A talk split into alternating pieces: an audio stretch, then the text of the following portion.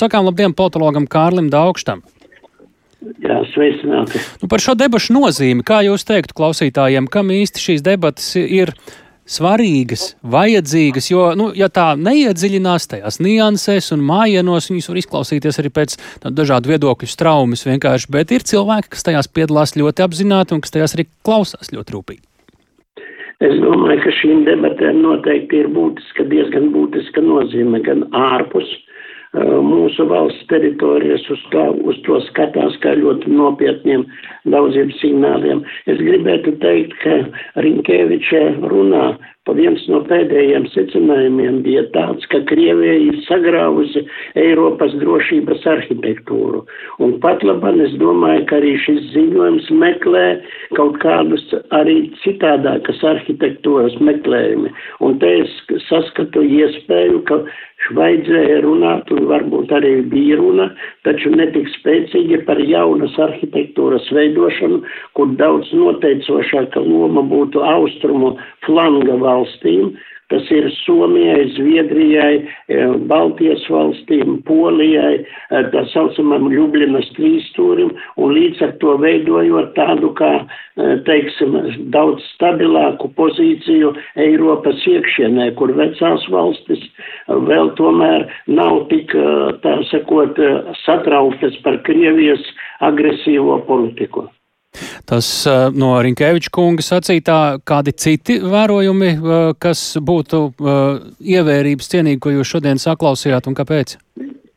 Es domāju, ka pati, pati noskaņa šīs, šo debašu laikā liecina par to, ka ir nepieciešama tāda reālāka konstatācija par nākotnes redzējumu Eiropas drošības kontekstā.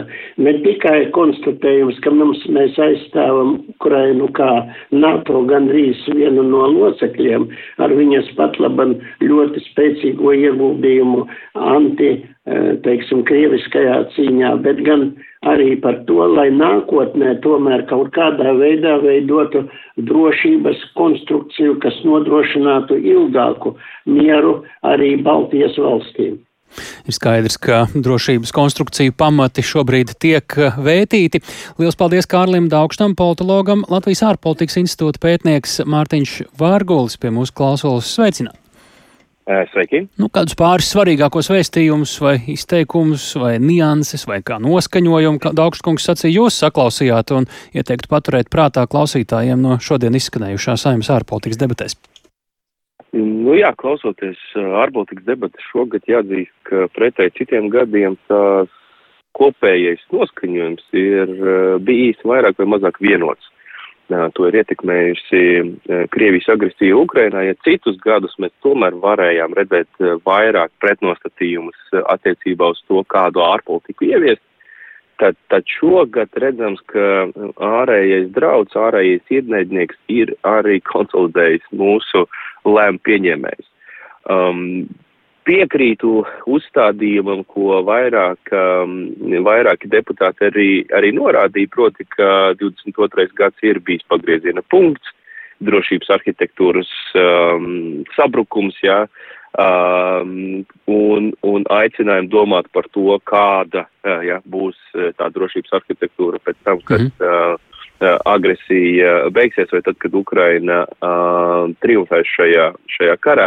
Un tāda pozitīva noskaņojuma attiecībā uz to, ka tas notiks, tas arī bija klātesoši jāatzīst. Jā. Tas, tas būtu īpaši jāceļ no, kas izskanēja no vairākiem deputātiem par to, ka mums ir pārliecība, Tā, sakaru pārāvums, bet es domāju, mēs galveno arī. Tā, mums nedaudz pārtrauka sakari, bet eh, mēs ejam tālāk raidījumā un sakām paldies Latvijas ārpolitikas institūta pētniekam Mārtiņam Vārgulim.